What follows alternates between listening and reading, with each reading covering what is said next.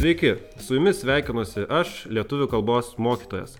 Pastarai kartą girdėjote įžanginį tinklalaidės prie lentos epizodą, kuriame pasakojau apie lietuvių kalbos mokytojo Patreoną ir pats atsakinėjau į jūsų klausimus. Jeigu negirdėjote, jeigu dar nežinote, trumpai primenu, kad daugmaž prieš mėnesį rūpjūčio pabaigoje pradėjau vykdyti švietėjišką projektą, kurio tikslas - greuti dešimtmečius nejudintus stereotipus susijusius su pedagogo profesija ir tokiu būdu keisti Lietuvo švietimo sistemos veidą. Lietuvių kalbos mokytojo Patreon prenumeratoriai gali daugmaž kas savaitę skaityti nesutrumpintą mokytojo dienoraštį, kuriame atskleidžiu darbo mokykloje užkulisius, gilinti žinias apie literatūrą bei klausytis tinklalaidžių apie švietimą, meną, kultūrą. 45 minučių trukmės rubrikos prie lentos epizoduose kalbinsiu švietimo ekspertus, kultūros atstovus, menininkus, politikus, psichologus ir kitų sričių lyderius.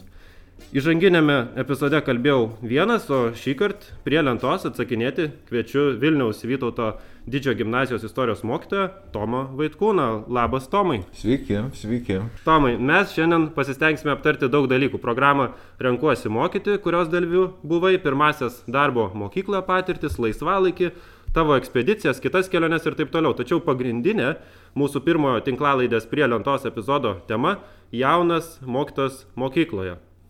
Tau pačiam šiuo metu yra 27. Tom ir laikai save jaunų mokytojų ir koks daugmaž tavo kolektyvo amžiaus vidurkis? Geras klausimas. Šitą klausimą aš savo buvau uždavęs visai nesenai ir aš galvoju, kad vis dar, vis dar pasako, kad aš jaunas mokytojas, nors aš pradedu nebesijausti jaunų mokytojų. Aš jau žinau, kaip veikia sistema, žinau, kaip čia laviruoti, kaip čia viskas veikia suprantu, suprantu, kur aš esu ir suprantu, ką aš čia darau. Tai jau gali tą drąsiai sakyti. Man atrodo, čia jau e, nebėra jauno mokytojo bruožas, jau, jau įeina tam tikrą brandą, jeigu taip. Jau orientuojasi aplinkoje, žinai apie ką ta mokykla, kaip viskas turi vykti. Tai kiek, kiek laiko tau dirbi mokykloje, kiek tau buvo metų, kai pradėjai dirbti mokykloje? Tai 20, 23 pradėjau, mm, tai jau, jau penkti metai eina, e, kaip tik dabar kiekvienais metais vis labiau trūksta mokytojų. Užimtumo, tarkime, tarnybos duomenimis šiemet pedagogų trūksta dar ketvirtadaliu daugiau nei pernai. Tokia gazdinanti statistika. Kas tave paskatino pasirinkti karjerą, kurios didžioji dalis žmonių vengia? Dėl, dėl tos stygiaus, aš gal kažkokiame gerame burbulė gyvenu. Man mano burbulas kažkuria prasme patinka. Aš sutinku, mano daug, daugelis draugų yra mokytojai, taip pat istorijos mokytojai, šiaip mokytojai, jauni žmonės motivuoti žmonės. Tai vat, aš nematau šitoj profesijoje kažkokio tai neigiamo atspalvio. Man tai atrodo labai fainas, faina profesija, kur daug iššūkių, kur daug galimybių, kur darbas dinamiškas. Tai vat, niekad nesakiau ir niekad nesakysiu, kad čia šita profesija yra kažkokia tokia, nežinau, nesamoninga ar atstuminti, ar ten nežinau. Ne, tai aš irgi nesakau jau ką, Aha. bet aš tik bet... sakau, vis tiek vis dėlto mažai žmonių renkasi, aš tu štai pasirinkai. Kas, kas paskatino tai, nuo ko viskas prasidėjo? Mhm. Tai čia irgi toks, mano, čia gal, mano, mano gyvenime mm, visą laiką buvo istorija. Istorija kaip dalykas, nežinau, nuo, nuo pat mažumės. Man ta istorija patiko, domėjausi, viskas su įdomu. Iš kurio metu užsisvaigau tapti psichologu ir sakau viskas, dabar jau reikia rinktis psichologiją ir čia visą gyvenimą, tyrinėti žmogų. Žmogus man tada labai įdomus, įdomus patapo. Ir kaip, kaip nusprendžiau tapti mokytoju, tai labai įdomi tokia istorija, e, atsitiktinumas. E, važiavom į Kauną, į Kauną, istorijos olimpiadą e, ir turėjo mane lydėti istorijos mokytoja, bet jinai susirgo. Išvažiavam su auklėtai. Ir su auklėtai mes turėjom tas dvi dienas kaune, vaikščiojom, kalbėjom ir va, tipinis klausimas iš saugusio žmogaus, ko nori būti užaugęs, žinai. Ir sakau, sakau, kad, nežinau, sakau, psichologų, bet va, ir istorija patinka, ne, žodžiu, toks, toks miksas, sako, pabandyk pedagoginį stoti, va, galėsi apjungti ir istoriją, ir psichologiją kažkuria prasme, galėsi mokyti istorijos. O, geras patarimas, įdomi mintis, reikia pasinaudoti, va, pildžiau, galėjau stoti į istorijos studijas bet kur Lietuvoje pildžiau į pedagoginį, nu, edukologinį, nes norėjau vat, pabandyti. Ir iš tikrųjų, vat, tas, tas kelias, tas pasirinkimas e, kaip ir, kaip ir nenuvylė, kažkuria prasme iš, iš istorijos pusės patenkinau savo poreikius, pedagogikos gal ne visai, kiek norėjau. E, todėl, todėl, todėl ilgainiui ketvirtam kursė buvau susimastęs, kad viskas, noriu, noriu, noriu, noriu pinigų, noriu, noriu gerai, žiūrėjau uh, darbo nuo 8 iki 5, žodžiu, mhm. užtrenkti duris ir taip. Dar nežinau, kas yra mokytojo darbas, bet turėjau vaizdinį, kad čia nieko gero, nieko gero nebus ir va išėjau dirbti korporaciją, aš padirbau ten truputėlį, pabėgau iš ten. O man labai įdomu dabar paklausti apie tą kitą darbą. Aha. Tai ką tu tiksliai dirbai, ko, su, su kuo susidūrė, kaip, kaip tau atrodė tas darbas. Nes aš irgi esu dirbęs tų e, darbų visiškai Aha. nesusijusių su pedagogika, aš prisimenu pats kentėjau. Kaip tavo atveju buvo? Tai irgi panašiai, gal kančia nėra tas žodis, bet ilgoji distancija būtų tapę kančia. Aš pardavinėjau ES projektus. Gal kompanijas gal ir neskleisa, bet mhm. pardavinėjau ES projektus ir trumpai iš ten iki mėnesio prabuvau ir aš supratau, kad aš nuo 8 iki 5 aš dirbti negaliu aš negaliu būti administratorius ir skambinėti firmas ir klausinėti, ką norite optimizuoti ir, ir taip toliau. Gal darbas ir geras, viskas tvarko, aš nesmirkiu tų alternatyvų, žmonės renkasi, viskas tvarko, valio, bet ne man ir aš nu, tiesiog nu, negalėjau ir tuo pačiu metu, bet atsirado ta programa renkuosi mokyti mano, mano gyvenime. Tai tu baigiai studijas, uh, padirbėjai. Studijų metu dar. Studijų metu Studijų padirbai. Metu. Ir paskui atradai tą programą renkuosi mokyti, taip? Tai čia buvo, jeigu taip laikė susidėlioti viską, 2017 metai, kažkas kovas, kovas, balandis. Ir surinkosi mokyti labai įdomiai. Tai mano geriausias draugas ir buvusi mergina, man to pačiu, tą pačią dieną du žmonės atsiunčia anketą, sako, užpildyk, pabandyk. Nes jau buvau, ženklas kažkoks. Jau ženklas, buvau užsisvaigęs dėl pinigų, žodžiu, reikia korporacijos viską varyti, atsiunčia anketą, pabandyk, sako, bent jau pabandyk.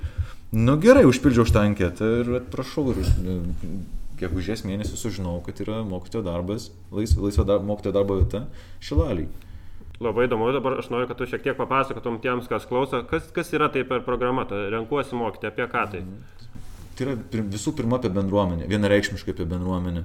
E, kiekvienais metais yra surinkama tam tikra karta būsimų mokytojų, tai yra, aš priklausau aštuntai kartai. Mhm. Ir tie, vat, šiuo atveju, mano atveju, 14 žmonių uh, praeina mokymus, praeina atrankas e, ir gauna išbandymus, pavyzdžiui, nu, yra vasaros mokykla. Uh, Sudeikėse, Utenos, Utenos rajone, žodžiu, prie Laušo ežero, labai faina. Mėnesį mes gaunam labai stiprų, labai stiprų impulsą psichologijos, sociologijos, edukologijos, dalykinių žinių, įvairių patirčių ir per tą mėnesį vat, bendro gyvenimo susiformuoja tam tikros draugystės. Uh, kurios ilgainiui jau po to rugsėjo mėnesį išėjus į mokyklą leidžia ne, nepargriūti, tai to yra labai didelė atrama.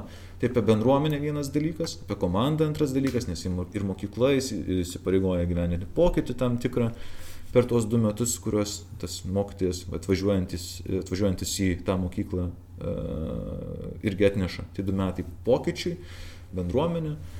Ir be abejo, vertybiškai labai stipri programa, kur nu, tu supranti, kad ugdym, ugdymas nėra apie patį pastatą, apie, nežinau, apie etatinį, netatinį ar dar kažką, tai yra ugdymo centre yra mokinys.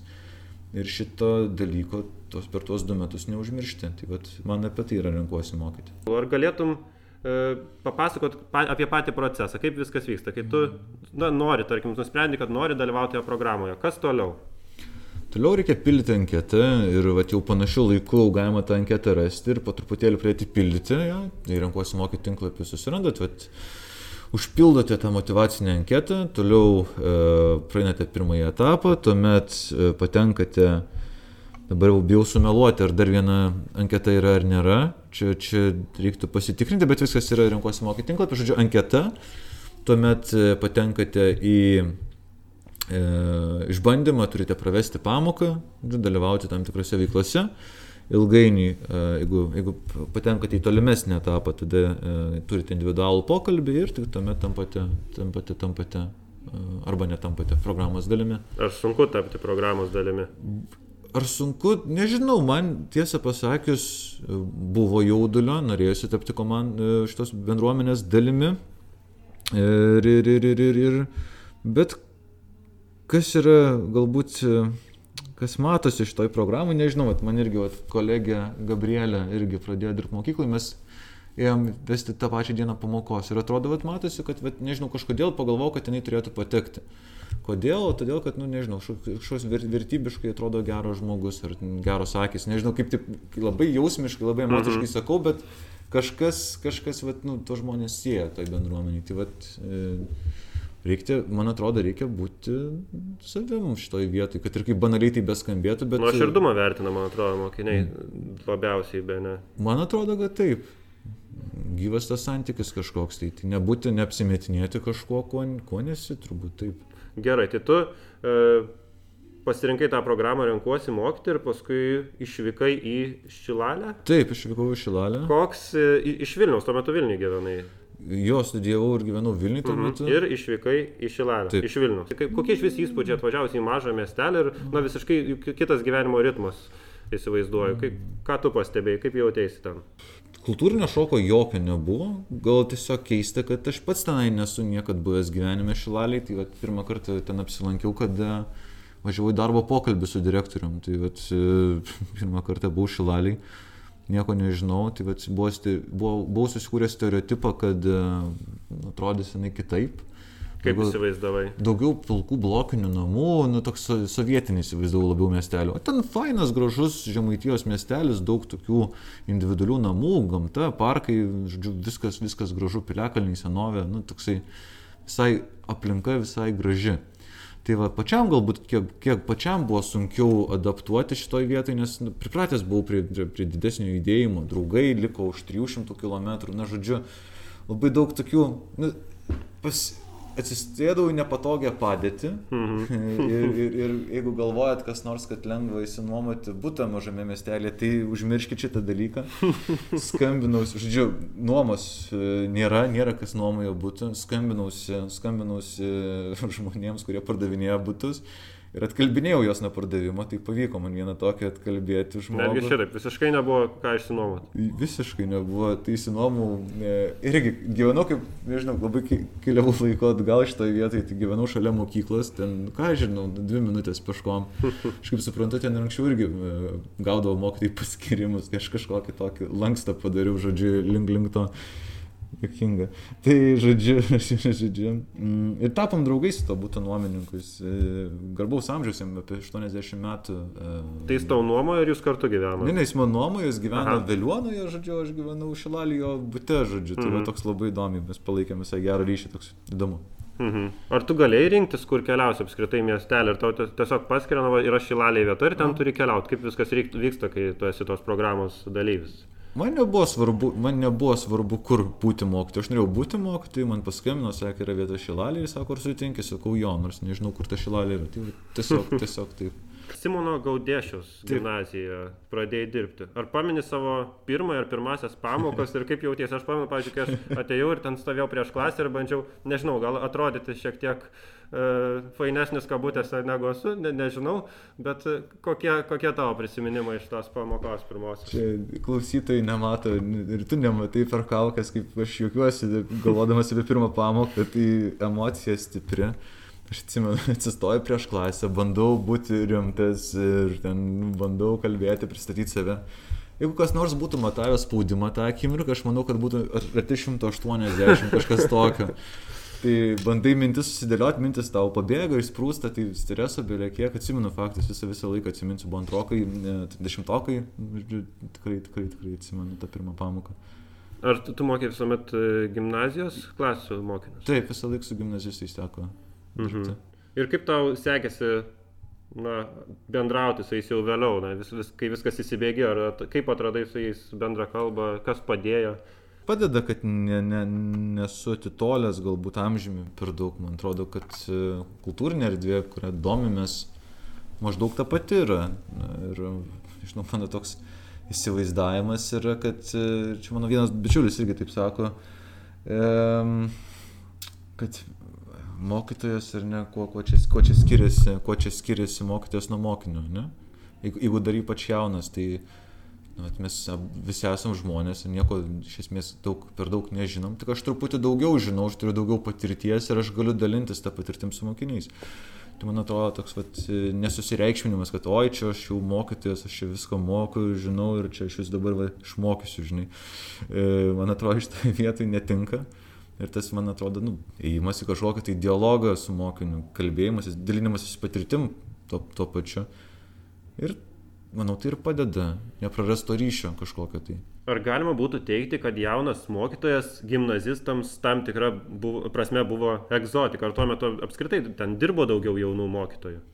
Na, nesakyčiau, kad labai, e, labai, labai jaunas e, kolektyvas. Kolektyvo vidurkis KM5PM tikriausiai kažkas tokio, tai mūsų mažai buvo jaunų.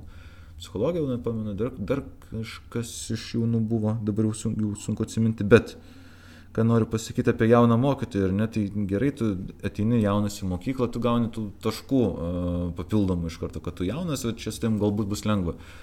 Bet jeigu mm, neparodai kompetencijų kažkokių profesionalumo, vis tiek tai yra darbas ir tai nu, turi rodyti kompetenciją profesionalumo kažkokio darbe.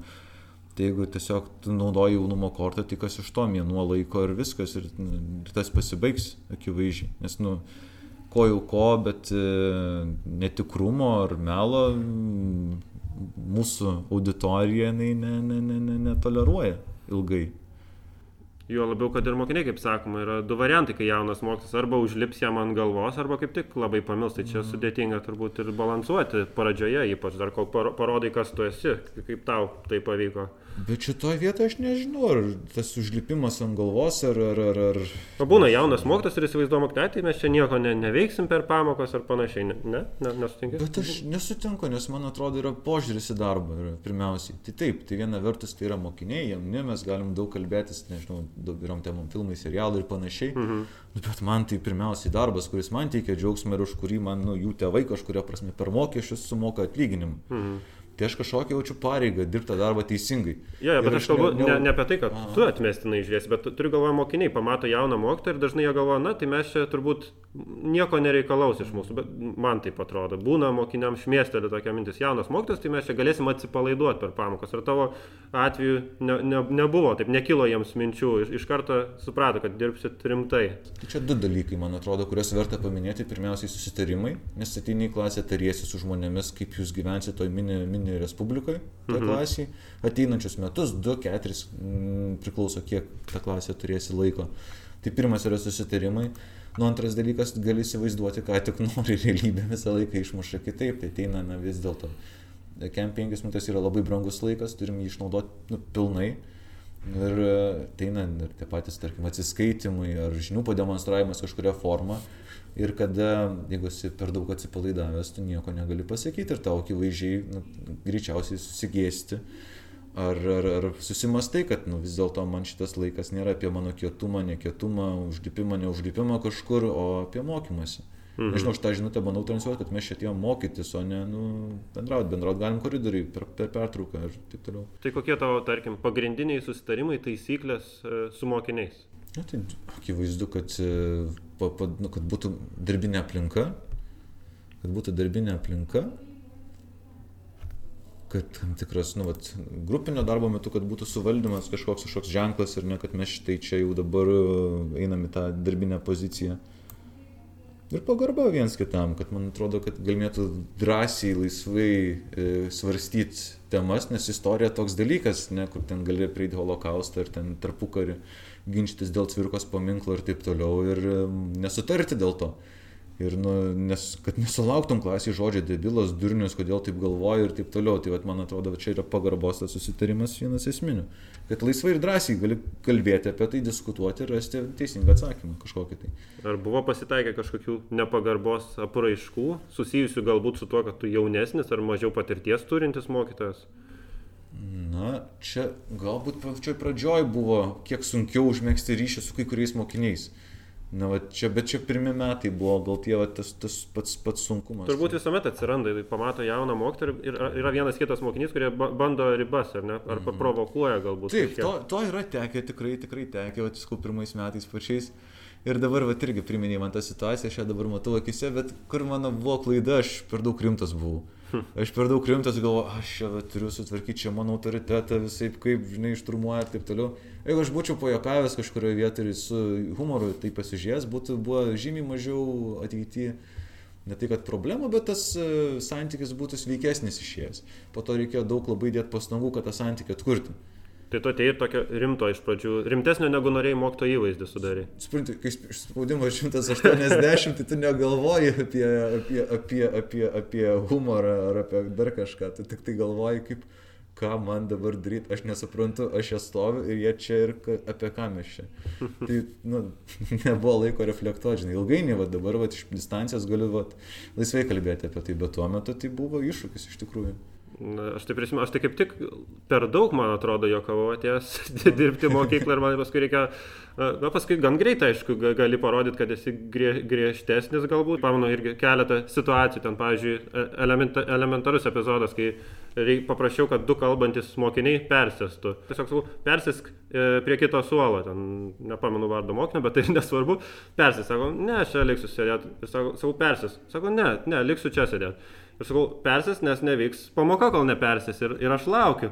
Ir tokia, žinai, psichologinė dvikova. Ir iš, ties, iš tiesų sėdžiu ir man širdis daužas ir galvoju, nu, va, čia dabar paaiškės, ar čia yra autoritetas kažkoks klasė. Ir vis tiek aš sėdžiu ir vis tiek persėdo galom. Ir paskui jau žinojau, kad ten, va, reikia vis tiek kažkaip klausyti to mokyto. Bet kol jaunas esi mokytas, sudėtinga. Gali būti visokių situacijų, aišku. Um, mano kitas klausimas e, toks. Uh, ta pastebėjimas galbūt tiksliau, kai tu pradedi dirbti kokį nors, na, bet kokį kitą darbą nesusijusiu su švietimu, pavyzdžiui, na, ten tu kaip vadybininkas kažką tokio dirba kaip projektų vadovas. Projektų vadovas, gerai. Tai būna sunkiausias kokios pirmos kelios savaitės, gal keli mėnesiai, kol tu apsipranti, supranti, ką reikia ten daryti iš tiesų. Kai pradedi dirbti mokykloje, mokykloje būtent, sunkiausi būna pirmie dviejai metai, tai tikrai gal net daugiau. Aš iš dalies juokauju, iš dalies ne. Sutiktum su tokiu teiginiu? Pirmi du mėnesiai tai juodai, juodai. Jeigu tos nori karčios realybės, ką tikriausiai ir pačiam teko išgyventi ir patirti. Tai aš pamenu, kad rugsėjo mėnesį, pirmaisiais metais, tai mm, miego, miego beveik nėra, nes miegi per parą, nu, tas penkias dienas per savaitę miegi kokias 3-4 valandas, baigi ruoštis pamokai kokią antrą, trečią nakties, tada eini mėgoti, atsikeli penktą ryto ir baigi ruoštis pamokom, nes, nu, nes, nes, nes neužbaigi tiesiog. Tai va, tai ten tas maratonas trunka, svarbiausia šitą laiką nu, tiesiog suprasti, kad jis praeis ir, ir, ir, ir, ir, ir turėti bendruomenę ar draugų, kurie ir galėtų paguosti iš to vietoj pasakyti, ei, tuoj, tuoj pasibaig šitas, praeis ir po to mažėja ta nu, sąnaudos laiko ir Man kažkur gal Tefulono dobė, esi girdėjęs apie tai, apie Fulono dobę. Papasakok skaityt, klausytom kaip tik. Tai, e, žodžiu, kada mes, kada mes e, pradedam kažkokią tai naują darbą ir tada įkrentam į dobę, nežinom ką daryti ir kažkurio, kažkurio metu iššokam į tą dobę, tai, į, tą, į tą duobę. Ir keliai yra du, arba lipti atgal, arba eiti į priekį. Va, tik tai tas priekio perspektyva labai neaiški yra. Tai man ta Fulono dobė buvo vasarą, ne vasarą, vasarį ištikusi e, pirmų metų ir man ten buvo labai depresyvus laikas, bet kažkaip pat praėjo, praėjo ir įsivažiavau, išlipau iš tos dabės ir kažkaip po to laiko, nuo pirmų metų, kažkokio šešto mėnesio, nuo pusmečio darbo pasidarė daug, daug, daug, daug, daug viskas paprašiau. Aš irgi prisimenu, pasidalinsiu patirtimi, tikiuosi, tu nieko prieš. Labai įdomu, iš tikrųjų. tai aš, lygiai, aš tik noriu parodyti klausytom, kad lygiai tą patį išgyvena kiekvienas jaunas mokytas. Aš irgi prisimenu, pradėjau dirbti galėjau irgi sakyti, pradėjau dirbti, nes prieš porą metų turiu šiokios tokios patirties, nors ir ne tiek daug, kiek tu, bet vis tiek pradžia buvo tokia pati. E, pasiruošimas pamokoms iki 4 ryto, paskui e, atsikeliai į mokyklą ir aš, kai grįždavau, tai iškart užmygdavau pavalgęs, e, su, suvalgęs kažką paskubomis prie televizoriaus, smigdavau tiesiog, žodžiu, atsikeldavau po kelių valandų ir vėl prasidėjo tas pasiruošimas iki 3-4 ryto. Tu irgi mėgodavai pietų mėgelio. Grįžti iš mokyklos, pamiegi ir tada keliesi. Kitaip kitaip neįmanoma, kitaip neišgyventum. Tas, taip, taip, tai kiek tau užtruko tas, kada įvyko persilaužimas, kai tu pradėjai daugiau ar mažiau funkcionuoti kaip įprastas, normalus žmogus, žinai, kaip pamiegi daugiau negu 3 valandas per, per parą galbūt. E, jeigu pradėti skaičiuoti nuo rugsėjo, tai vasario, vasario pabaigoje. Kovą jau į pavasarį įžengus, jau, jau, jau, jau, jau pradėjau judėti, žodžiu, normaliai. Tai dar ne tai blogai, aš, man atrodo, gal pusant, pusantrų metų užtrukau, jeigu ne nuotolinis, kuris šiek tiek dar palengvino, mm. nes nereikėjo važinėti į mokyklą kas ryto, tai nežinau, būtų turbūt ir antri metai, buvo, mm. buvo, buvo sudėtingi. Um, gerai, tai. Bet čia net, neturiu galvoj, kad supranti, supranti, ką darai pilnai. Tu važiuoji inertiškai pirmais metais ir antrais dar tos inercijos labai daug bandai susivokti, suprasti, ką tu čia darai, ar darai gerai su mokiniais tą, ką darai. Nu, tarsi, ar tavo metodai, ar tavo žinutė skleidžiama, ar tu bent jau uždavinį pataikai su mokiniais. Nesakau, vėlgi, man tai yra brangus laikas, kai ne penkios minutės, Aš suprantu, kad mokiniam jie ateina, nu, mes šiais, šiais laikais labai mylim laiką ir, ir vertinam, nes tai yra resursas, kuris nyksta.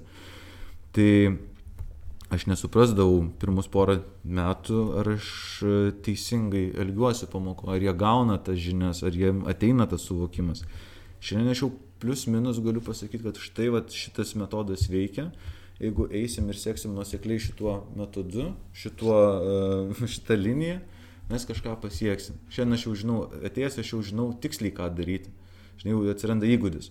Iki tol aš tiesiog toks vaikščiojimas, žinai, nu, tokiu ir, ir, ir ne, nežinai, kaip, kaip čia į kurią pusę nukrisi. nukrisi. Kaip tu įvertini tai, ar metodas geras ar ne, ar žiūri kažkokius rezultatus, ar kaip kitaip tikrini? Ir čia labai vėlgi, aš, tai faktas yra rezultatai, yra pasiekimai ir tai yra nu, tie kietieji, kietieji matavimo įrankiai. Ne? Mhm. Bet man labai geras matavimo įrankis yra vaikų akis. Nežinau, nežinau kaip tau pačiam, bet man būna pamokų, kai aš tiesiog, nu, matai, kad žmonės suprato, apie ką buvo pamoka, ką mes diskutavom, kokios užduotis ir kam jos buvo skirtos Ir kartais būna, aš einu iš pamokos mokiniai ir nu, tiesiog supranti, kad va, štai va, e, e, vienam, antram ar trečiai mokiniai, e, mokiniui, mokiniai, nu, neaišku buvo visiškai. Na, aišku, dar refleksija yra, paklausi Uh, tokia atvira forma, ką sužinojai, kas buvo neaišku, kaip, kaip jautėsi, žinai, vat, nu, tokie, tokie prieimai ir vat, tai padeda susi, susivokti arba suprasti, pavyko pamoka ar ne. Nuotolinis šiuo atveju viską numuša, mhm. nes e, ekranas sugeria, nu arba tiesiog tu nematai, matai piktogramą, kokią nors T.V ar ne. Nuotolinis beprotiškai, nežinau kaip tai mane tai labai demotivavo ir buvo labai sunku su mokiniais dirbti. Iš tiesų, nes nu, emocija atsimuša į ekraną ir tu negauni to atgalinio ryšio, kuris po pamokos nu, natūraliai ateina. Kaip, kaip, kaip Klasiai kažką ten, jeigu aš mėgstu, tarkim, pakauti, iš mokiniai nusijokia, kažkaip tau pačiam smagiau čia visi išsijungia mikrofonus, tu nežinai, ką jie iš vis kartais daro ten Tai visai kas kita. Ir tu man primeni dar, kaip, vertin, kaip galima vertinti, ar mokiniui patiko pamoka ar ne. Aš tai dar atkreipiu dėmesį tai, kaip jie e, entuziastingai atsisveikina. Jeigu gera pamoka, tai jie labai nori. Atsisveikina, tarsi tau padėka, išreiškia, žinai, tokiu būdu, čia va, aš parodau pagarbą ar parodau kartu, kad man patiko pamoka, aš atsisveikinu, viso gero, mokytau smagiai ir panašiai. Ir kuo daugiau atsisveikina taip mokinių asmeniškai, tuo, tuo gali kartais sakyti, kad pamoka buvo geresnė ir įdomesnė. Tai irgi tokį kriterijų man primenė. Um, Mes turim čia visokių susigalvojimų. Turim savo... visi susigalvojom, mm. visokių kažkokie mokytojai, keisti Įsi... tokie žmonės. Aha, įsitikinimų, įsitikinimų, kad... O iš tikrųjų gal nieko panašaus. Gal visai gal, taip nėra. Niekas neveikia. Gal jie atsisveikina, nes nori kitą kartą geresnio pažymą. Visai visai gali būti, žinai. O taip tikėkime, kad taip nėra. Aišku. Šitoj vietoj man atrodo, kad e, mokykla vis dar nepraradusi to, nežinau, ko aš klausiau, ar Egidiaus Aleksandраvičius, ar ko, bijau dabar sumeluoti, bet uh, sako jisai, nu, užmiršau tą, tą uh, autorių tos šitos minties, bet sako, mokykla, bažnyčia ir dar kažkas yra vienintelės vietos likusios, likusios mūsų visuomenė, kur galima apie vertybės kalbėti. Kažkaip aš tą to nuoširdumu čia tikiu, kad jo yra. Tikiu ir aš. Dar noriu sugrįžti dabar prie kito dalyko, tiksliau sugrįžti prie to paties, apie Šilalę dar noriu paklausti, man labai įdomu pasirodė. Uh, tai ten dirba iš pradžių tiek, kad nebuvo visiškai laisvo laiko, kaip suprantu, kai atsirado šiek tiek laiko laisvalaikiui. Ką tu dar veikdavai be mokyklos? Ar nesijautai vienišas, ar palaikai ryšį tam tikrą ir su koordinatoriais programos renkuosi mokyti, ar gal kitokių kažkitų draugų suradai, ar kolegų, nežinau, papasakok apie tą laisvesnį laiką, kai jau įsivažiavai. Tai pradėkime nuo to, kad e, renkuosi mokyti programą, siūlo, nu, nesiūlo, tai yra privaloma kas mėnesį atvažiuoti į Vilnių ir e, būti mokymuose savaitgalio. Tai mūsų bendruomenės įksnos iki grįždavo, įsikvėpdavo, ten padiskutuodavom apie problemas, tai reikėdavo paverkdavom ar ten dar kažką, žinai, nu, toksai vat, vykdavo nu, refleksija gyva.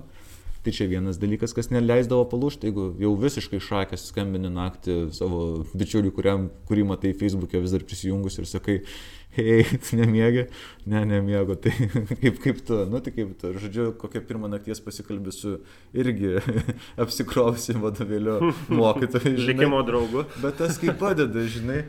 Tai va, supranti, nu jo, gal čia ne man vienam, žinai, blogai iki galo. Tai va, tai čia vienas dalykas, o šiaip pačioj šilaliai, po to laisvo laiko atsiradimo, tai aš šiaip daug laiko keliai praleisdavau grįžinėdavau dažnai į Vilnių ir, ir namo. Grįždavau ir, ir, ir tas man padėdavo tokią atsvarų sistemą sukurti. Aš vat, e, distanciškai nutoldavau nuo, nuo vietos, tada galėdavau grįžti ir man ta atsvarų sistema taip visai veikia. Ar tų naktinių skambučių, tokių desperatiškų, daug pasitaikė tavo karjeros pradžioje? Pradžioje buvo, buvo, buvo. Dėl ko labiausiai jaudinais nerimavai? Tai vad būdavo ir, ir kokie nors konfliktai su mokiniais, ar kokios situacijos konfliktinės, ir bandai įsiaiškinti, ar čia tau taip irgi buvo, ir vis tiek turėjau men, mentorę. Uh, kuri, kuri man padėjo, tai va, čia, čia, čia Robertai dažniausiai vis skambindavau, žodžiu, ir, ir, ir vat, kaip, kaip ten ką daryti, kurioje vietoje. Tai, vat. Ar buvo, buvai prieš ribą, kai jau maniai, kad neištvers ir galbūt galvoji, kad, na, gal net nebenori dirbti mokykloje, arba gal nori, bet negaliu, buvo kažkas panašaus? Aš, jeigu taip nuširdžiai kalbėjus, aš galvoju, kad žiauriai sunku. Žinai, kurioje vietoje buvo man tas toksai didysis, didysis uh, kaip čia dabar nes, nesusikeikus išsireikšti. gali, gali ir nusikeikti, gal, na, gal ne, gal ne. Gal nereikėtų, iš tikrųjų nereikėtų, nes... Bet visi supratom intenciją, intencija kad, kad buvo tokia, blogai. Bet toj papasakosiu, kodėl, kad čia nenuskambėtų, žinai, labai taip paprastai. Po mėnesio to nemiego ir darbo intensyvaus gavau algalapį ir pradėjau dirbti prieš reformą, prieš etatinę reformą. Ir aš nemeluoju, mano pirma alga buvo 488 eurų. O tai ko, tai tikėjai milijonus, kad mokam Nu, mokytis? Klausyk, aš bent tikėjausi, kad nu, galėsiu bent truputėlį oriau gyventi. 488. Ot naivumas, ne? Buvo. Bet supranti, ir aš pasižiūrėjau, nu, va, tuo metu galvojau, okei, okay, aš suprantu, kad šiuo metu aš, nu, aš noriu būti mokytoju. Ir šitoje vietoje man reikėjo ir kompromisų daryti, man mama daug padėjo, iš tikrųjų. Mm. Nu, jeigu ne, ne, ne, ne šeimos pagalba, tai aš galbūt ir nebūčiau galėjęs pradėti būti mokytoju už tokią algą, žinai. O antrais metais jau gerai, tas etatinis atėjo ir alga pakilo, nes kai pradedantysis mokytis, ten visai ir krūviai pasiskaičiuoja, viskas tvarkoja, po to nebesiskundžia. Bet sakau, va, čia vienintelis dalykas man buvo gal, kuris taip kirto per, per savivertę stipriai ir per orumą šitoje vietoje. Mhm. O taip, kad e, dėl pačio, pačio darbo man patinka, man patinka mano darbas, su kuo aš jo džiaugiuosi ir kad tokių atminčių, kad ne, vis dėlto mest, ne. Žinai, kad kada aš mesiu savo darbą, kad aš pradėsiu bumbėti pastoju, kad aš... Aš irgi taip galvoju, kai nebesi laimingas mokykloje, tai matyt, tada laikas tau Laikas- nebedirbti laikas mokykloje. nebedirbti. Tai 4, 8, 8. Mhm. Per, čia į rankas. Į rankas. a- Atlyginimas. Į rankas jau. Ir kiek tu, pavyzdžiui, mokėjai už, už nuomą būtą šilalėje? Šimtas eurų pragyvenimas dar ne ir kelionė, kelionės namo. Tai žodžiu, visiškai nieko nelikdavo. Ne, baigta aš į minusą nu, tarsi aš dirbau į minusą. Am, Galima taip sakyti. Turbūt, Man priminė irgi vieną tokį komentatoriaus anegdotą, jis e, parašė man po vienu įrašu ten Facebook'e prieš kiek laiko, e, skamba taip, e, kiek uždirba mokytas Lietuvoje. Priklauso nuo to, kuo dar papildomai dirba mm. tas mokytas. Tai ar tu turėjai dar kokį nors papildomą darbą ir mm, be, be to, kad padėjo mama, dar buvo kažkokių? Ne, tuo metu, tuo pirmais metais tikrai ne. Tai, Turbūt nebūtum ir norėdamas spėjęs. tai va būtent, va būtent, o kada spėti, žinai, tai Jeigu nepaslaptis, tuomet koks šiandien tavo atlyginimas ir pagerėjo ta situacija? situacija pagerėjo, m, tikrai, sakau, šiandien tikrai negaliu skūstis atlyginimu, nežinau, ar, ar verta atskleisti, gal verta, ne? Aš nežinau, tavo reikalas. Mano reikalas, tai turbūt aš e, apie pinigus ir apie santykius galbūt verta ir pasilaikyti, žinai, va, Gerai, tą gerai. libera, Bet koks tavo, atskleis tuomet, koks tavo uh, etato dydis, kiek tu dirbi Aha, mokykloje? va, Tatas mano yra 1,3 beveik. Gerai, tai palygink dabar, taip daug maž, žinai, kad galėtų suvokti klausytojai, uh, tokio paties dydžio etatą mokykloje, na, 1,3 Mhm. ir kitam darbė, tu esi dirbęs ki- kitose darbuose priešingai negu daugelis mokytojų, tu gali palyginti. Uh, Ar galima dėti tarp šitų etatų skirtingų darbų lygybės ženklą? Nes aš iš savo asmeninės pati- pat- patirties galiu pasakyti, kad dirbti mokykloje už teoriškai tą patį krūvį yra dvigubai ar trigubai net dar sunkiau. Kokia tavo nuomonė? Jo, e, pradedančiajam mokytojui darbo daugiau negu matyti, o a, dirbant korporacijų ar, ar, ar, ar šiaip. Sunku lyginti, žinai. E, Ką galiu lyginti tik savo patirtį, tada taip ir padarysiu. Tai kai pradėjau, tai kaip pradedantysis e, projektų, ten, projektų koordinatorius, aš gavau didesnį atlyginimą, aš gavau apie 700 eurų į rankas pradžiai. Nes be patirties žmogus iš šono, iš gatvės su įsilavinimu visiškai netitinkančiu tam darbą, tai visai neblogai skambėjo, su perspektyva greitai kilti Bet tu nedirbai ten iki 4 ryto ka- kasdieną, tą tai galvoje. Taip, taip, tai, tai buvo darbas nuo 8 iki 5. Tai tu dirbai, pagal tą patį etatą dirbdamas, tu uždirbai daugiau, bet dirbai mažiau. Teisingai. Na, taip, iš, taip, taip išeina. Tai Taip, aš tą norėjau išprovokuoti. Taip išeina, taip išeina, taip. Bet suprantu, vis tiek tai yra valstybinė įstaiga ir aš suprantu, kad e, čia aš nenoriu žvelgti, suprantu, man e, nesinori mm, padaryti kiršo iš mokytojų atlyginimo. Suprantu, va to vėl būna antraštės, o ten mokytojas uždirba tiek, tiek, jis ten verkia mokytojai, kad nedaug uždirba. Palauk, man net ne apie tai, man atrodo. Yra, aišku, atlyginimo klausimas yra svarbus. Jisai vienas svarbesnių yra šiaip. Bet iš to daryti kičą ir kažkokią tai reklamą ar dar kažką man tai nepatinka, supranti, tai mano, man kaip mokytojai, man tai šiek tiek per arumą kerta. Nes pradėkime nuo to, kad nu, mūsų valstybė ar ne, nu, kūrėsi, ar ne, vis dar, vis dar mes procese esame įsibėgėjimo. Fainai žiūrime Skandinavijai, buvau Suomijai, buvo toks projektas mokyti Lietuvai. Važinėjom po Suomiją, klausinėjom, kiek jie uždirba, kiek, kiek, kaip jie dirba ir panašiai. Fainai, jėga. Bet tada, kai žiūri istorinį kontekstą, kada, kada Švedijai buvo kos- karinis konfliktas viduj, ne?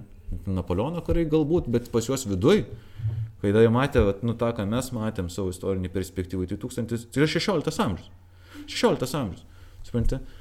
Tai vat, kai mes pradėsim mąstyti tokiam kategorijom, laiko kategorijom, e, erdvės kategorijom, laisvės kategorijom, bendruomenės kategorijom, tai mes tada pradėsim galvoti ir kad, nu va, nu tai galbūt mokėsim mokesčius visi gražiai, tvarkingai, deklaruosim viską. Tai va turbūt ilgainiui ir tada ir, ir mokytojo alga, ir mediko alga, ir policininko alga bus nu, normali, mano galva. Kol Tai vad, man atrodo, švietimas ir yra pagrindas tą keisti kažkuria prasme, kal- kal- kalbant apie tai. Ir sakau, akcentuoti vien tik tai skaičius, man atrodo, labai neteisinga. Antra vertus, ir nenorisi, kad tie skaičiai būtų didesni, bet man atrodo, nu priežastis yra mm, ugdymas. Tik tada jau rezultatą gausim. Be abejo, tas verkšlen, nieko nėra blogiau už verkšlenantį mokytoją, aš sutinku, blogiau. bet kita vertus reikia, žinai, ne- neverkšlenant pasakyti vis tiek tiesą, kad, na, kažkaip, kai jeigu tu nekonstatuosi problemos, tai nieks ir nesikeis kita vertus. Bet aš visiškai sutinku taip, kad negalima kičio kažkokio daryti, kaip tu sakai, nieko gero iš to pač- paties profe, pa, mokytojo profesijos prestižo, iš to nėra jokios naudos, suprantam. Tai kitas klausimas, Tomai. Ar dabar, e, dirbdamas mokykloje, mes jau kažkiek tai ir aišku aptariam, kai jau turi patirties, pamokoms užtrunki mažiau laiko pasiruošti. Kiek daug maž trunka pasiruošti tau pamokai dabar jau? Ar, ar galėtum, aišku, kad galėtum teikti, kad lengviau dirbi ir mažiau turbūt negu karjeros pradžia, bet nu, va, kiek dabar, va, nat- natūraliai, kiek tau išeina per dieną, kiek rytoj, pavyzdžiui, ruošiasi, jeigu tau yra pamokų. Mhm. Rytoj turiu septynias pamokas, tai va dabar grįžtu namo. Vėlgi, ne, nebemegosiu Ne, grįžęs. ne, aš irgi nes ten nebemiegu dažniausiai. Kavos, kavos išgerti reikės, nu ir pasėdėsiu porą gerų valandų, porą, porą su trupučiu. Bet vis tiek turi pasiruošęs kažkokios medžiagos. Taip, medžiaga jinai yra ir supranti, kartais ta medžiaga tikrai tinka ir ją galima naudoti nu, antrais metais. Tai iš karto susitaupo laiko. Kartais tiesiog galvoju, kad ne, va iš tų va, šitos medžiagos aš nebenaudosiu, nes kažkaip ir pats nenoriu jos naudoti. Tai Ir va, gal ne visiems mokiniams tinka tai, ką naudoji prieš tai. Ir kartais galbūt nori kažko naujo. Ne visą laiką mokytojo darbas tuo ir įdomus, nes tu vis kažką naujo Būtent. sugalvoji. Ir Netgi kažkaip būtų net pat- nemalonu tą patį visą laiką kartoti ir pačiam neįdomu. tai būtent. Ir dar nuėjęs e, į, tą, į kitą klasę, paralelinę klasę su ta pačia medžiaga, taip pat nebus.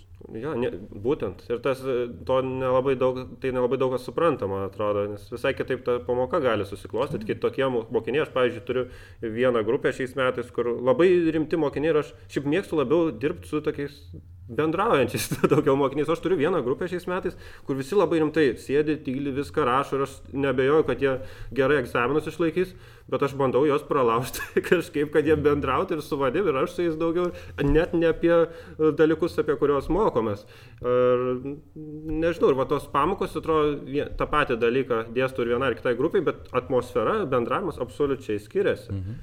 Bet čia, vat, man atrodo, irgi, vat, girdžiu iš tavęs, man irgi tas rūpi. Man rūpi vat, išeiti į dialogą ir vat, kartu su, suprasti tą dalyką.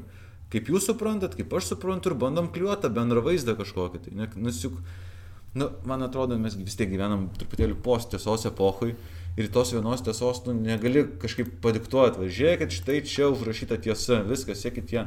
Ne, nu man įdomu, kaip jūs tą suprantate, taigi skirtingos perspektyvos. Mūsų visuomenė tokia įdomi, ar ne?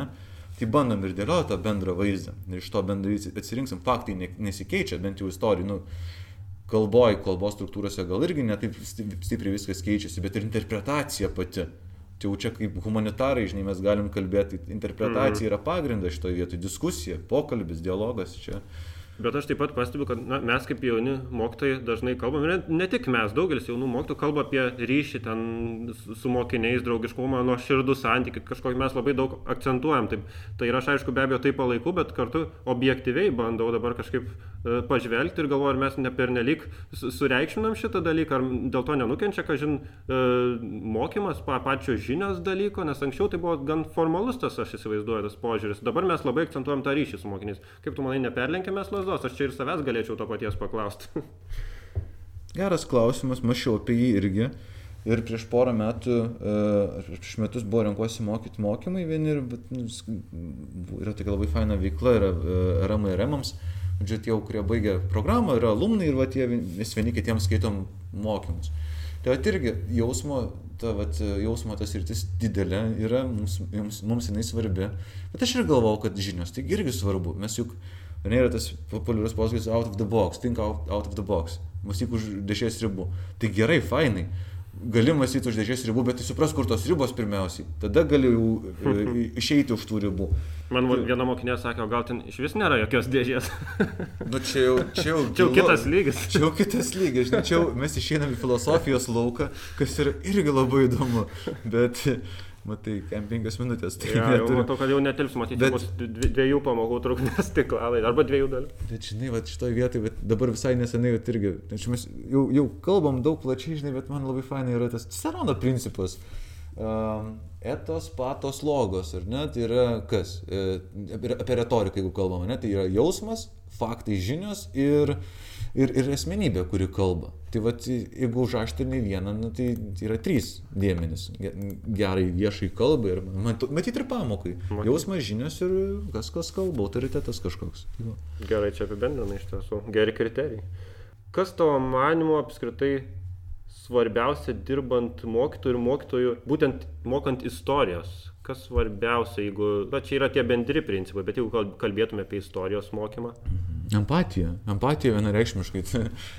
Vis, vis supra- supra- suprasti reikia, kad viskas apie žmogų sukasi. Nu, istorija tas dalykas, nėra sociologija, ne apie, ne apie dėsnius, ne apie dar kažką, bet nu, tai žmogus, man atrodo, esmė. Ir e, žmogaus tas s- stengtis parodyti tą žmogaus kažkokią tai gal dramą, kažkokią tai pasirinkimo dramą, tų įvykių sukūrį, ar net ten pirmas pasaulinis karas, antras pasaulinis karas. Kad tai nebūtų vien sausi faktai. Tai ne vien sausi faktai, nes kas ten žinot, tas žmogus, man atrodo, vėlgi aš tai matau, skaitau, kad istorija humanitarinis mokslas, nors parašyta socialiniai, nu gerai, tebūnie, bet e, humanitariniai mokslai apie tai, kad mes irgi galim būti išbandomi panašiam situacijom. Arba galime matyti, nežinau, populistą kokį nors, kuris, nu, kaip koks Hitleris ar ne, ar dar ir Musolinis, tiesiog svaidosi faktais ir ne faktais, o fa jausmu šituo, bando užkurti minę ir mumis manipuliuoja. Tai va, istorija, man atrodo, padeda atpažinti tą vat, kvailį besireiškiant ir vat, mus bandant apkvailinti. Tai vat, man šitoje vietoje tai istorija yra svarbu ir prieimas per žmogų, man atrodo. Žinai, mane stulbina tai, kai atėjau ypač į mokyklą, sužinojau, kad tokia situa- situacija mane stulbina, kad mokyklose, ir pataisyk, jeigu klystu, bet man atrodo, kad ne mokiniams istorija nėra privaloma nuo 11 klasės, taip? Taip. Ir man tai, bent jau man, atrodo, tai visiškas nesusipratimas. Daugelis Kodėl? vyresnio amžiaus e, istorijos mokytojų, su kuriais man yra tekę kalbėti, mano taip pat. Ir aš pats dirbdamas 11-12 klasių lietuvių kalbos mokytojų turiu ne tik mokyti literatūros, e, bet ir istorijos dalykų ir pastebiu, kad labai daug mokinių turi milžiniškų is- istorijos spragų. Dėl to ir ne tik dėl to, e, aš esu na, įsitikinęs, galima sakyti, kad istorija būtų visiems mokiniams, turėtų būti visiems mokiniams privalomas dalykas, tol kol jie baigs mokyklą. Kokia tavo nuomonė, tu mačiau jau no- norėjai nesutikti su manim. K- Kaip, kodėl ne tuomet, jeigu ne? Nu, nepadarom iš to, ne viskas yra istorija, juk man taip atrodo. Nu, nors istorija svarbu, bet fa... man tai džiugu, kad yra pasirinkimas. Ar yra istorija, aš tik labai nelaukiu, kad e, girdžiu tas mintis, kad padarys tuo istoriją privalomų dalykų ir egzaminas bus privalomas.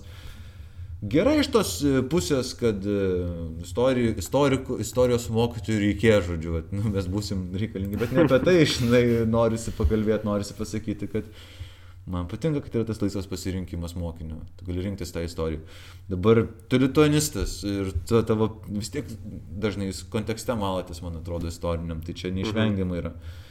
Tai už, kartais, man atrodo, užtenka šito konteksto žinojimo. Tiesiog ne? aš turiu galvoti, kaip, na, įsilavinusi asmenybė ir neturėtų žinoti tikrai apie savo šaknis, visą tai, na, būtent tas is- istorinis kažkoks Tu- tu bagažas ar turėtų būti. Tai tu gerai sakai, pradėkime nuo šaknų. Mhm. Na, Mhm. tai imkim, labai mes žiūr, galim žiūrėti amerikietišką modelį, Mhm. kur ten pradedam nuo, nuo, nuo, nuo šeimos istorijos, nuo giminės istorijos, nuo miesto istorijos ir tada eikim plačiau. Tai va taip pažiūrėkim, tai jėga. Tai kodėl, kodėl mes norim suduoti e, faktus, programą ir, ir daryk taip ir anaip. Labai įdomu, aš tai net nežinau iš tiesų, kad, to, kad kaip Amerikoje viskas vyksta, kodėl e, pas mus kas irgi pasenusi programa, kaip ir dažniausiai būna. Jeigu, jeigu pakeistume programą taip, kad Keičiame. tau patiktų, Aha. tai kaip tuomet ar tada pasikeistų tavo požiūris, ar, ar, ar vis tiek paliktum laisvą pasirinkimą? Man mm, programa netrukdo. Tiesą pasakius. Ar, man atrodo, dalis mokytojų tikrai žino, kad programų yra, ar ten 20 procentų yra laisvo pasirinkimo. Mhm. Ar 15 laisvo pasirinkimo. Naujos programos jos išeina 22 metais, jos siūlo 30 procentų programos laisvai interpretuoti. Yra didelės temos, nu, bet žiūrim į Skandinavijos modelį. Man tai valio, man programa niekada nebus skydas, kuriuo aš dengsiu ir nesakysiu, kad va, čia aš turiu išeiti programą. Aš programą, ašgi profesionalas šitoje vietoje, aš laikau save tokiu. Aš galiu programą uh, sintezuoti, jungti, išskirti. Tai, tarsi, tai, yra, tai yra mano laukas, kuriame aš dirbu, aš, nu, tarsi, aš turiu įsilavinimą tame. Tai man atrodo, programa niekada nebus ta didžioji problema. Man atrodo, kaip tu ją pateiksi ir kaip tu rasi prieimo, prieimo prie mokinių. Tomai, kiek žinau, savo mokykloje esi mėgstamas mokytojas. Tad skleis, kaip tu sudomini mokinius, na, e, kuo tavo istorijos pamokos skiriasi nuo seniau mokykloje dirbančių mokytojų pamokų, kokius tu ten stebuklus jų metu išdarinėjai. Ar yra tik tai ryšys su mokiniais, ar yra, nežinau, ką, ką tu darai kitaip? Reikia pirmiausiai klausti mokinių dėl, dėl šito mėgstamo, nemėgstamo. Nežinau, man jeigu, jeigu, jeigu taip sako, tai džiaugiuosi ir tikrai nuoširdžiai džiaugiuosi. Um, antra vertus, aš e, atėjau po mokytojos, kuri irgi labai bijau eiti Vytauto didžiojo gimnaziją, nes tai na, buvo mokytoja ir atlitinai, tai buvo mano mokytoja irgi. Mm, tu pakeitei savo...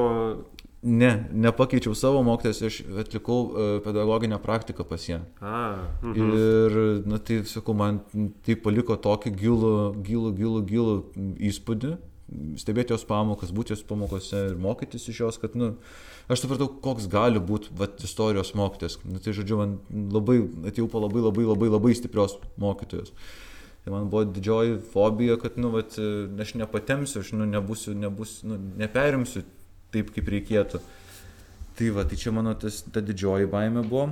O šiaip, nežinau, aš tik stengiuosi, aš tu pradžioj sakiau jau, kad e, mano įsivaizdavimas yra toks, kad mes mokomės, e, mes mokomės visi, tik aš turiu šiek tiek daugiau patirties tame dalyke. Tai aš bandau per šitą pusę eiti. Tai ar galima teigti, kad tie tavo įsivaizdavimai, kaip, kaip turi atrodyti pamoka, kaip turi atrodyti mokytas, bent jau tie svarbiausi dalykai nepasikeitė nuo tada, kai pradėjai dirbti mokykloje?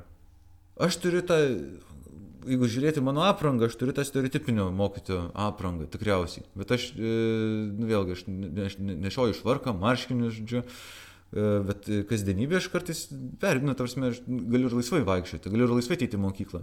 Kodėl aš e, tai- taip bandau kurti kažkokį tai įvaizdį, ne?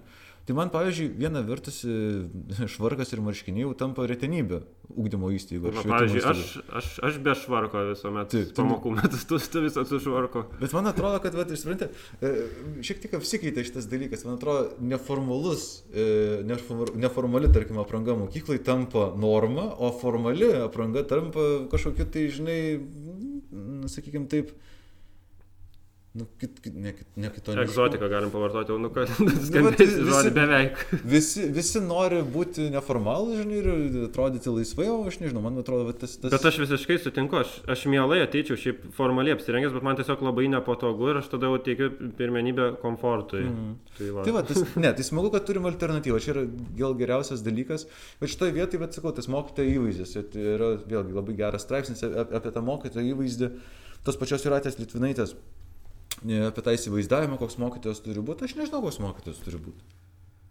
Aš tikrai va, per tą laiką nu, turiu, sakau, profesionalumą išlaikyti ir pagarbą kitam. Man atrodo, čia yra pagrindiniai dalykai.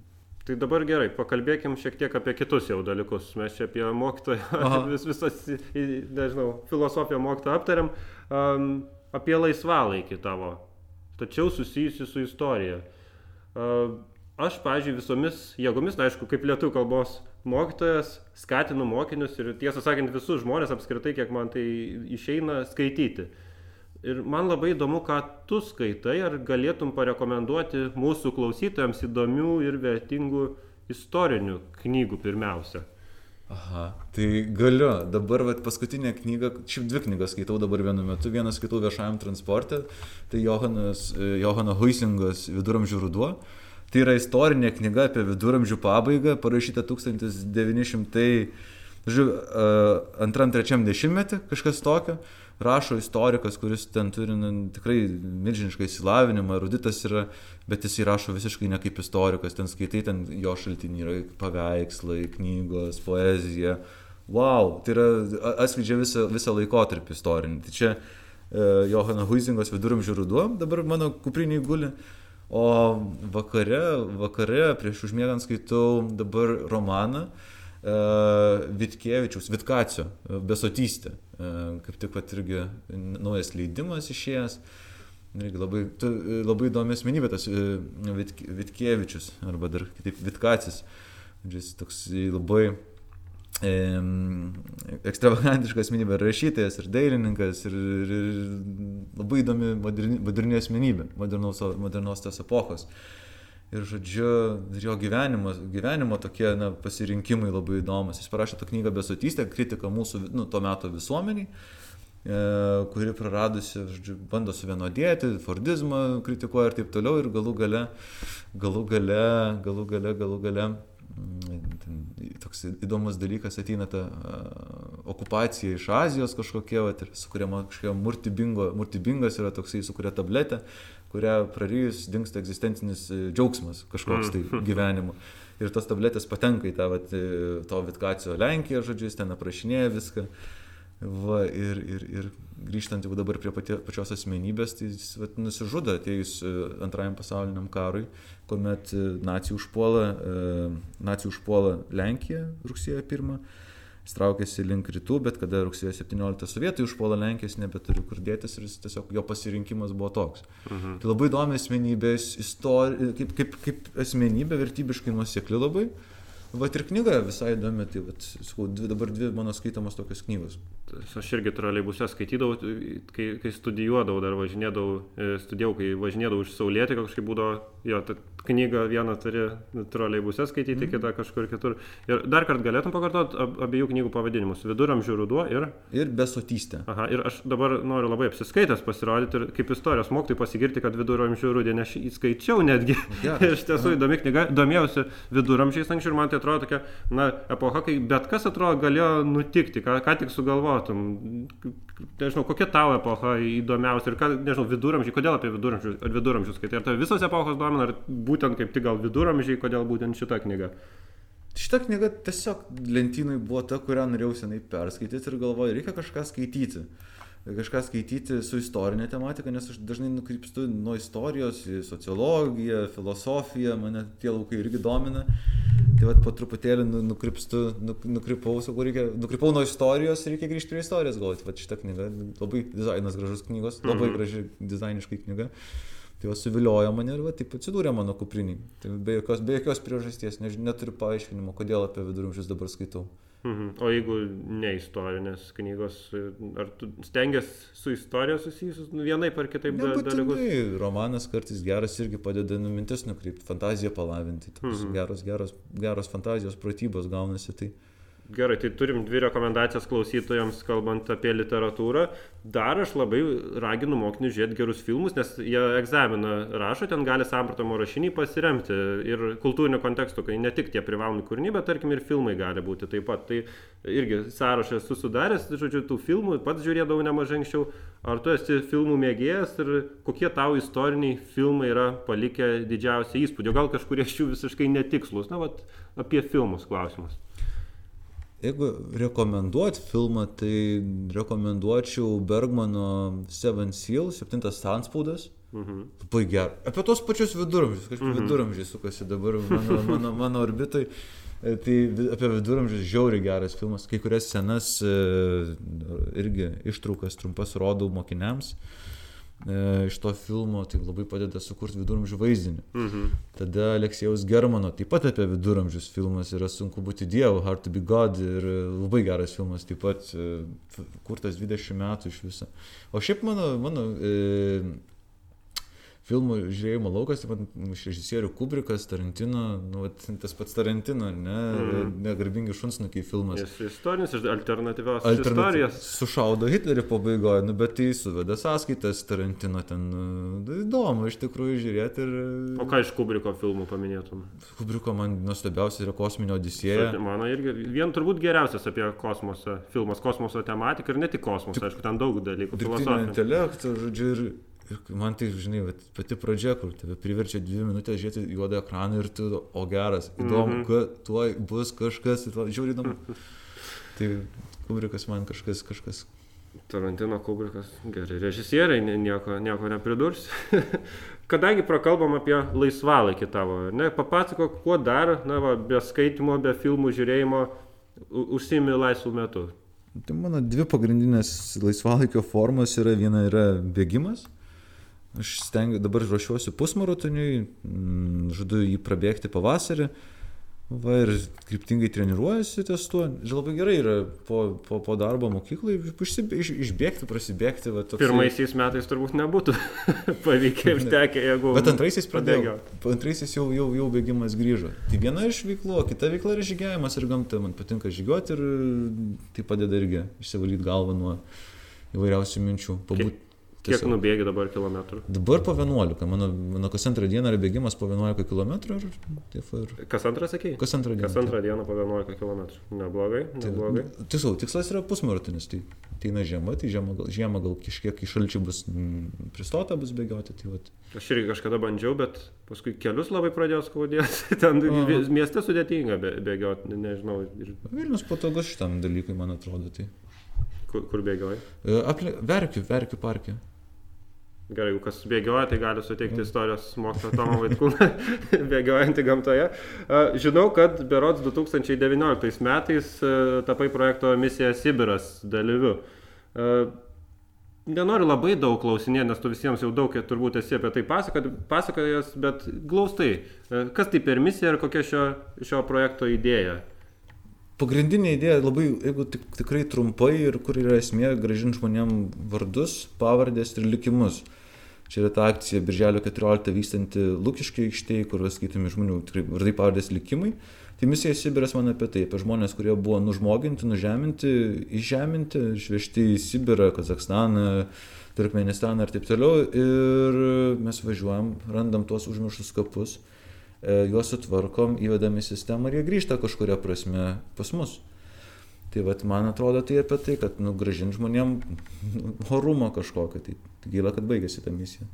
Ir iš vis ne, nutrūko projektas, ne, nebevyksta. Dėl kokių priežasčių gal žinai? Tai priežastis tokios, kad vat, į Kazakstaną nebe, nebėra ko važiuoti ir na, laukiam, kol galbūt kažkas pasikeis, pasikeis, pasikeis politiniai sferai.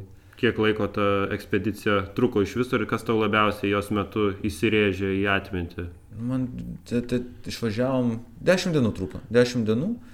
Ir man ryškiausios gal dvi pamokos buvo, kurias gavau iš tos ekspedicijos. Tai vienas, vienas yra apie, apie viltį, viena, viena pamoka, žinai, kurią gavau ten, o kita pamoka yra apie nu, nenuvertinimo žmogaus vėlgi.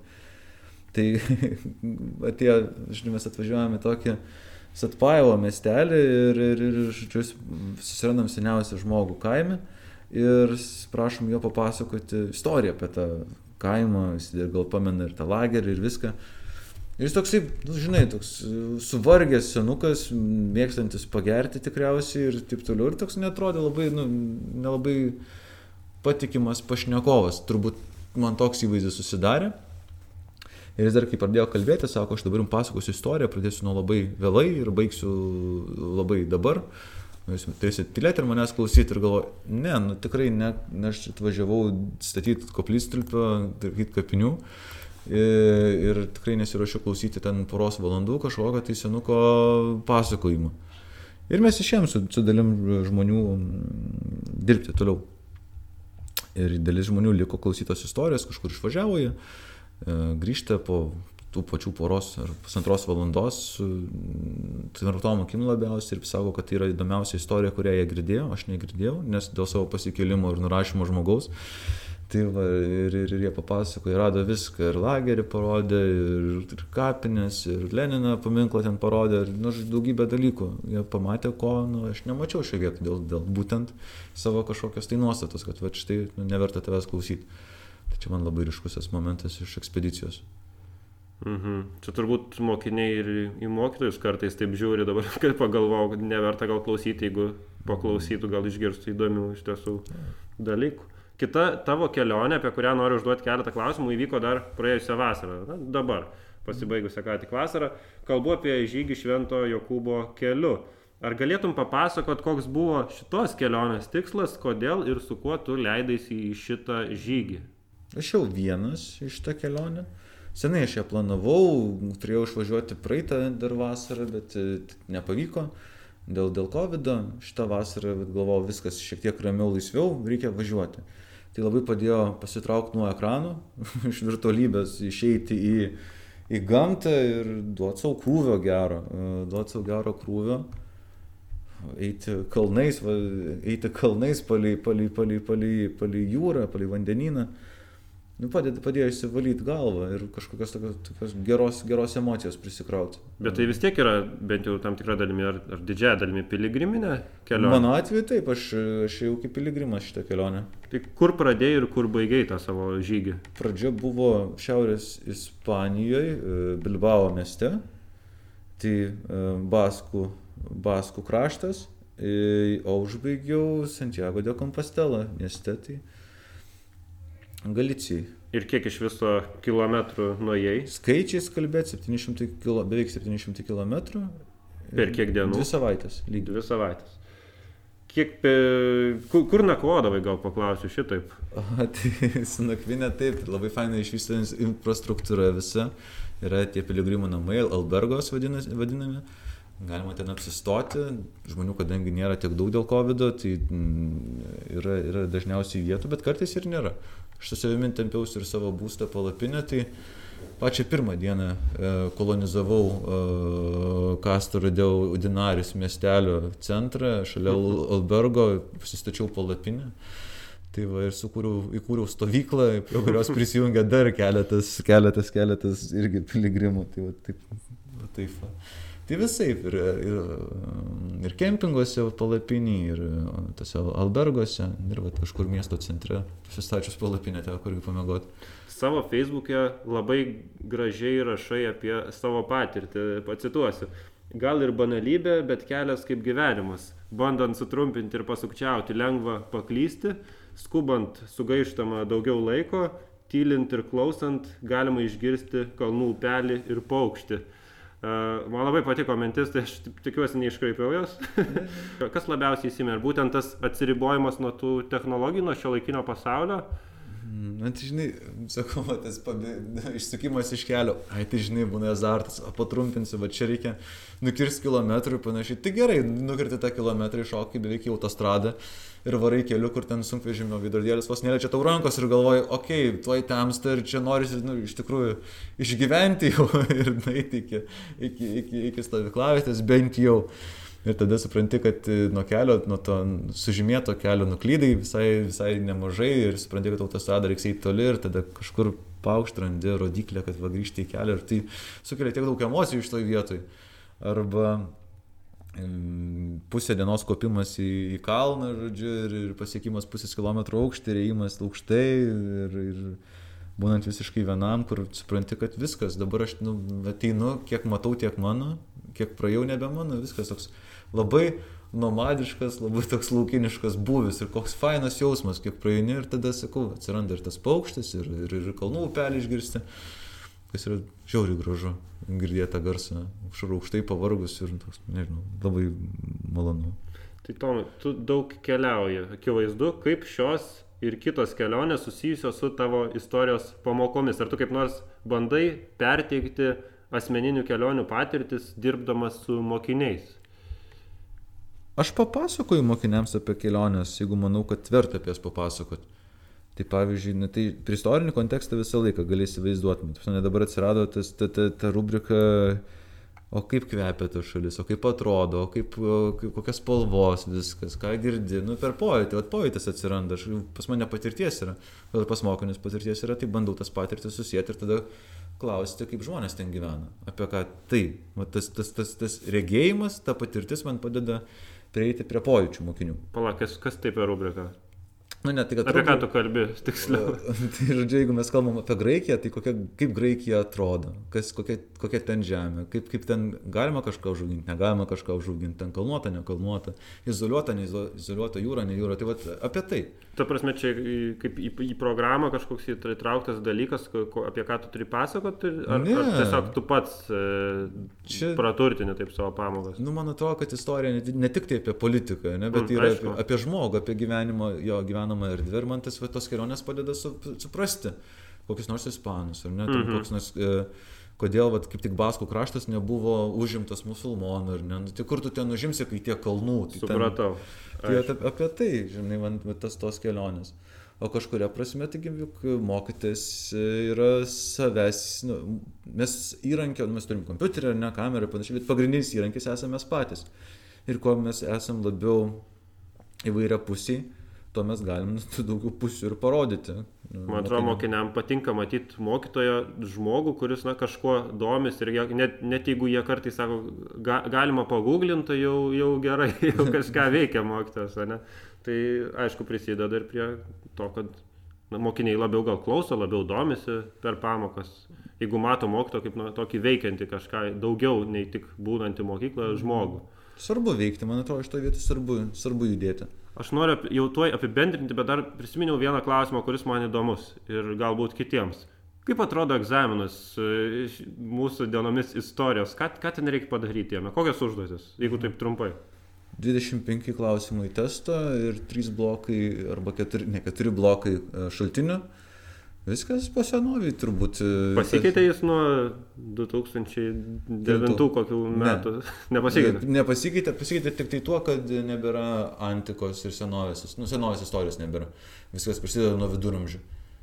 Tai viduramžiai, naujai laikai ir naujausiai laikai yra programos akiratė daugiau. Ne. Ir aš tas nepaklausiu, tiksliau paklausiu, bet lyg ir neatsakėjai, kuri, epo, kuri epocha tave labiausiai įdomi ir galbūt koks istorinis įvykis. Čia matai, netgi. Anksčiau būčiau vienareikšmiškai sakęs, kad viduramžiai. E, bakalauro studijose, nes ir tema buvo apie viduramžius, šiam buvo prancūzijos viduramžiai įdomus. Dabar aš toksai, vad sakau, aš, man įdomu, didaktika pasitarė labai. Studijuoju magistrę dar ir bandau rašyti tą darbą apie, apie, apie didaktiką istorijos. Tai aš toksai daugiau istorijos didaktika, istorijos filosofija linkstantis žmogus, tai vad kažkokio etapo konkretaus istorinio Tai 19, jeigu iš istorinės pusės, 19 amžius man labai kertinis atrodo, nes nu, modernybės pradžia, ta, kurią suvokiam, tai tas labai svarbu. O kaip tavo magistrantūros dabartinės studijos vadinasi? E, istorija, istorijos. Tiesiog istorijos. Istorijos studijos Vilniaus universitete. Labai geros studijos, labai įdomu. Tikrai, aš, aš tiesiog taip nusivylęs magistrantūros studijomis Lietuvoje, kad aš sakau, niekada nesirinkit, bet tu, tu, tu kaip suprantu, išimtis, bet tavo studijos tiksliau, išimtis. Labai įdomu, žinok, e, aš turėjau, buvau pasilgęs mokytis, nes nu, du, metai šilaliai negalėjau, neturėjau tiesiog laiko tam. Tai vad grįžęs įstojau į nu, istoriją ir nu, paskaitos seminarai, kur ten ruošiesi ir ten diskutuoji, wow, man žiauri, žiauri patiko. O kaip tu dabar suspėjai, kada tau vyksta paskaitos? Dabar aš, e, dabar man tai liko tik tai darbą pabaigti rašyti. Mhm apie tiek daug dalykų pakalbėjom ir dabar noriu pabandyti jau po truputį apibendrinti mūsų tą ilgą pokalbį. E, jaunas mokytojas mokykloje. Išimtis ar neišvengiama ateitis? Tai neišvengiama ateitis. Tai mes matom, kad 21 metais turėjo būti mokytojų krizė, tai truputį ateina. Ir, ir, ir keisis, keisis, keisis, keisis mokykla. Iš kur tų mokytojų atsiras, jeigu nelabai, ne jeigu jų tiek trūksta dabar?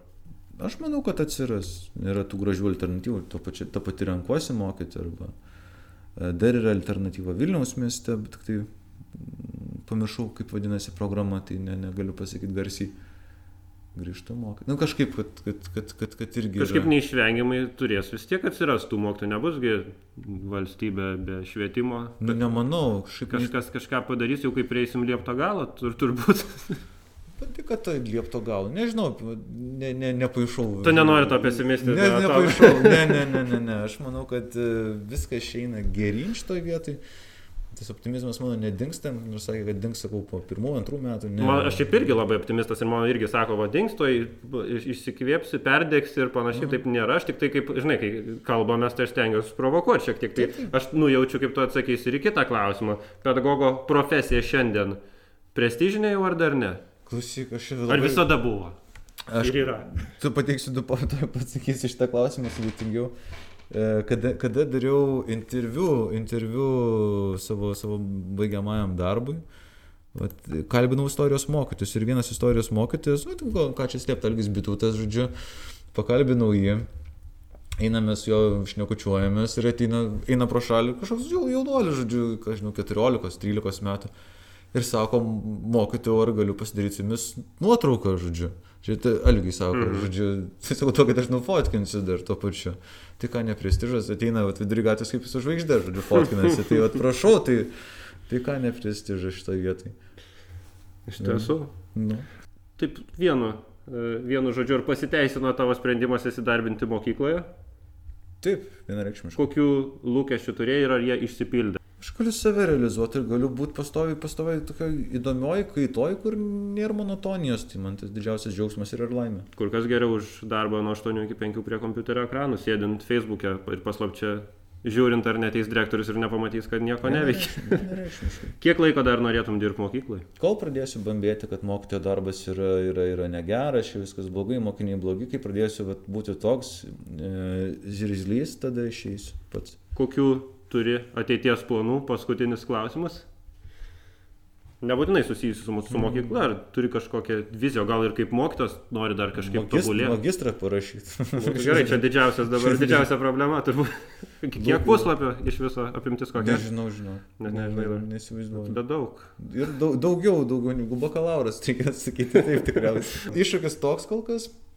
O šiaip tai skaityti, domėtis ir judėti toliau, pusmartinį prasidėti. Nu, tai Mm. čia tokie, tokie artimiausi planai.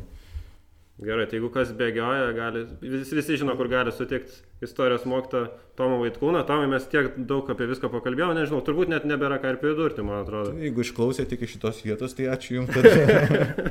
E, Gerai, tai primenu visiems, kad su manim kalbėjosi Vilniaus Vytauto didžiojo gimnazijos mokytojas Tomas Vaitkūnas. Čia buvau aš, lietuvių kalbos mokytojas ir tinklalaidė prie lentos. Susitiksime kitose epizoduose. Ačiū tau, Tomai, kad atėjai. ačiū tau, gražios dienos visiems.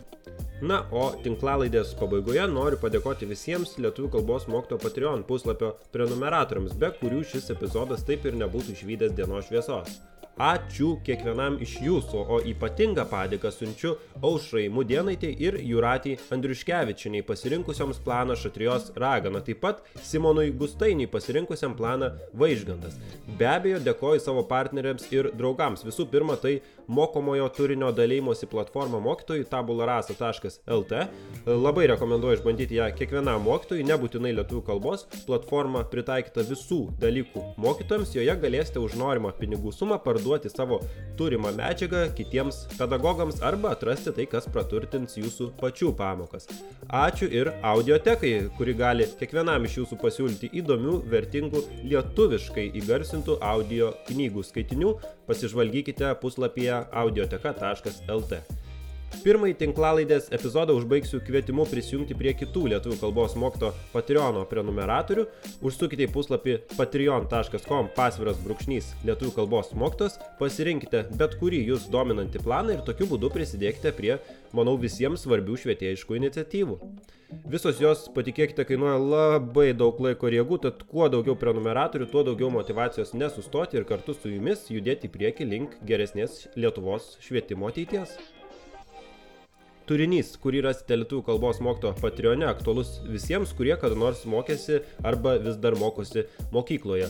Puslapyje jau rasite ir pirmąją vaizdo pamoką apie Hamleto būti ar nebūti, o 11-12 klasių mokiniai ras medžiagos, kuri tikrai pravers ruošiantis valstybiniam lietuvių kalbos egzaminui. Tad prisijunkite, jei to dar nepadarėte, arba paraginkite prisijungti draugus, pažįstamus, žodžiu, visus, kuriems galėtų būti aktualu. O švietimas, mokymasis visą gyvenimą, man atrodo, turėtų būti aktualus kiekvienam žmogui.